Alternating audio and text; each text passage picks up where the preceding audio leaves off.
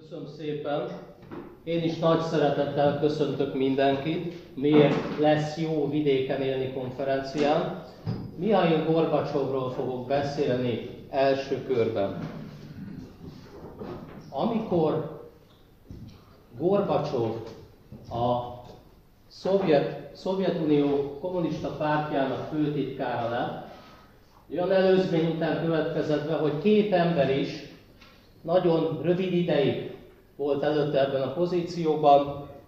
Mind a ketten igen élemedett korukban kerültek a főtitkári székbe, és bő egy évig húzták mind a ketten. Egyszerűen meghaltak, és ezután következett 1985-ben Mihail Gorbacsov. Ugye, aki az 50-es évei közepén járt akkoriban, és miután megválasztották erre a fontos pozícióra a pártársai, állítólag azt találta mondani, hogy hát eltársaim, én nem is tudtam, hogy én ennyire öreg és beteg vagyok. Hát ugyanezek a mondatok jutottak nekem is eszembe, hogy ugye az a mondat, amikor megláttam a saját nevemet ennek a konferenciának az egyik előzetes program tervezetében, hogy én fogom itt a megnyitó beszédet tartani. Nem én jelentkeztem erre a pozícióra, meg nem is kértek föl, hogy láttam egy ilyen program tervezetet. Szóval hát azért valljuk be, nálam őszebb, ráncosabb, kopaszabb, szemüvegesebb, öltönyösebb figurák szoktak itt állni. Nyilván még egy-két tekintetben én is már azért kezdek felzárkózni azért, de még nem egy ilyen tipikus a konferencia megnyitó emberke vagyok. Ráadásul nekem rossz érzéseim is támadtak, miután megláttam a nevemet, mert azt gondolom, hogy ez a funkció, hogy valaki egy konferencia nyitó beszédet tartson, ez egy meglehetősen protokolláris funkció, és általában valljuk be elég unalmas funkció, és hát nagyon sok unalmas nyitóbeszédet hallottam már én, mindenféle közhelyekkel, panelekkel ilyenkor. Tehát nem örültem ennek, hogy majd én fogok itt beszélni, gondolkodtam is azon, hogy, hogy esetleg keresek magam helyett valaki mást, de nem is csak ez volt a bajom, ennél több a problémám, én általában a konferenciákat nem annyira kedvelem. Egyáltalán nem véletlen, hogy a kisközösségi program több mint egy évtizedes fennállása során egészen a mai napig egyetlen konferenciát sem szervezett. Azért nem kedvelem, mert azt gondolom, hogy túl sok van belőlük, Dunát lehet rekeszteni velük Magyarországon, és sajnos nagyon sok az olyan konferencia is, a, amelyről messziről leri, hogy ez bizony azért szervezték meg, mert egy pályázatban ki kellett pipálni ezt a kötelezettséget is, hogy konferenciát szervezünk. És igazából ezeknek a konferenciáknak nincs értelmük. De még azok is, amelyek nem ilyenek, általában úgy néznek ki, hogy rendszerint persze okos emberek elmondják innen a kancsok és a poharak mögül a saját monológiukat, párbeszédre, vitára a konferencia szervezői nem túl sok időt hagynak, ha egyáltalán, mert olyanon is voltam én legalább, én legalábbis az egyáltalán nem volt mód a párbeszédre, vitára, és hát azért ezek a konferenciák sem az igaziak. És nagyon kevés olyan konferencia van, ami a két kategória egyikébe sem esik. Tehát mindezen ellenérzéseim dacára végül is elvállaltam, méghozzá végül is örömmel vállaltam el, hogy itt mondok pár szót. Hát egyrészt azért is, mert én vagyok az egyetlen, aki a konferencia mindhárom szervezőjéhez kötődik.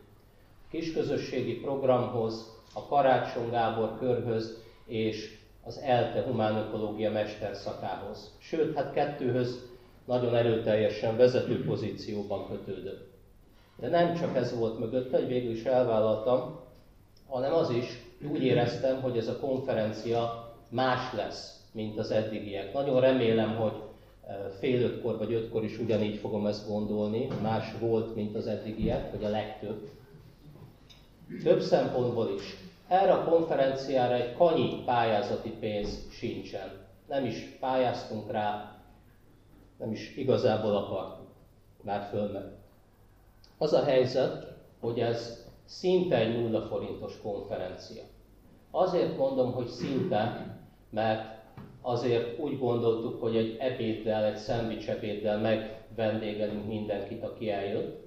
És az ebéd került körülbelül, körülbelül 60 ezer forintba, ezt teljes egészében magánadományozók segítségével teremtettük elő ezt az összeget, ezúton is köszönet mindenkinek, aki ehhez hozzájárul.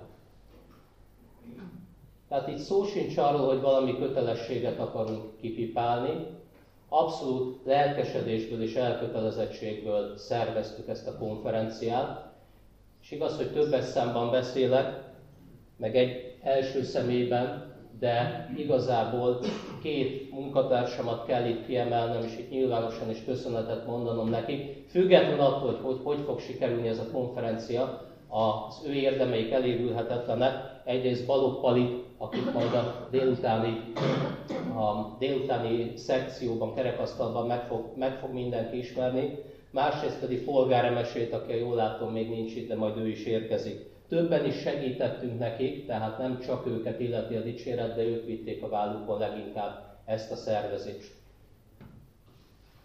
Szóval elkötelezettek vagyunk, és azt gondolom, hogy ez egyáltalán nem üres beszéd, hanem már a közelmúltból bizonyítékok is vannak rá bőven. Az ELTE humánökológia mesterszakán például több tárgy is foglalkozik, vannak olyanok is, amelyek igen hangsúlyosan az ökológikus vidékfejlesztéssel. Tehát ez egy fontos irányvonalunk a mesterszakon is.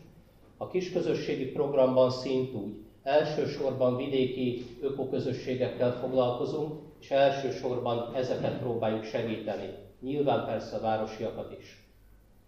És ugyanígy a karácsonykörben is fontos, hogy ne csak a nagyvárossal foglalkozzunk. Volt itt ugye ebben a sorozatban, a Tanástalan Köztársaság sorozatban, amelyhez ez a rendezvény is tartozik, és amelynek egy különleges, hosszabb eseménye. Volt itt szó Budapestről is, a közelgő főpolgármester választások apropóján. Nagyon jó, hogy van szó vidékről is. Hát egyrészt azért gondolom, hogy különleges a konferencia. Másrészt azért gondolom, hogy különleges, mert nem a monológokról fog szólni. Lesz itt az elején egy plenáris előadás, utána a kerekasztalok elején két hangsúlyosan rövid vitaindító, de mindezeken kívül beszélgetni fogunk, ez a tervünk, és vitatkozni is. És erre itt a megnyitóban nagyon szeretnék buzdítani mindenkit, hogy ha ütköznek az álláspontok, akkor nyíltan, bátran ütköztessük őket, ne féljünk a vitától. Nyilván konstruktív, szelíd vitáról beszélünk, remélhetőleg baráti vitáról, de az nagyon jó. Nagyon jó volna, ha lenne valódi vita ezen a konferencián.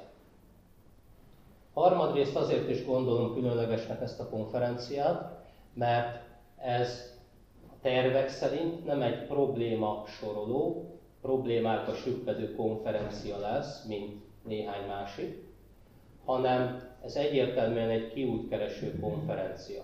Az a fő célunk, hogy megnézzük annak lehetőségeit, hogy a magyar vidék jelenlegi tagadhatatlanul meglehetősen sanyarú sorsából hogyan találhat ökológikus, vagy ha valakinek úgy tetszik, ökoszociális kiutakat.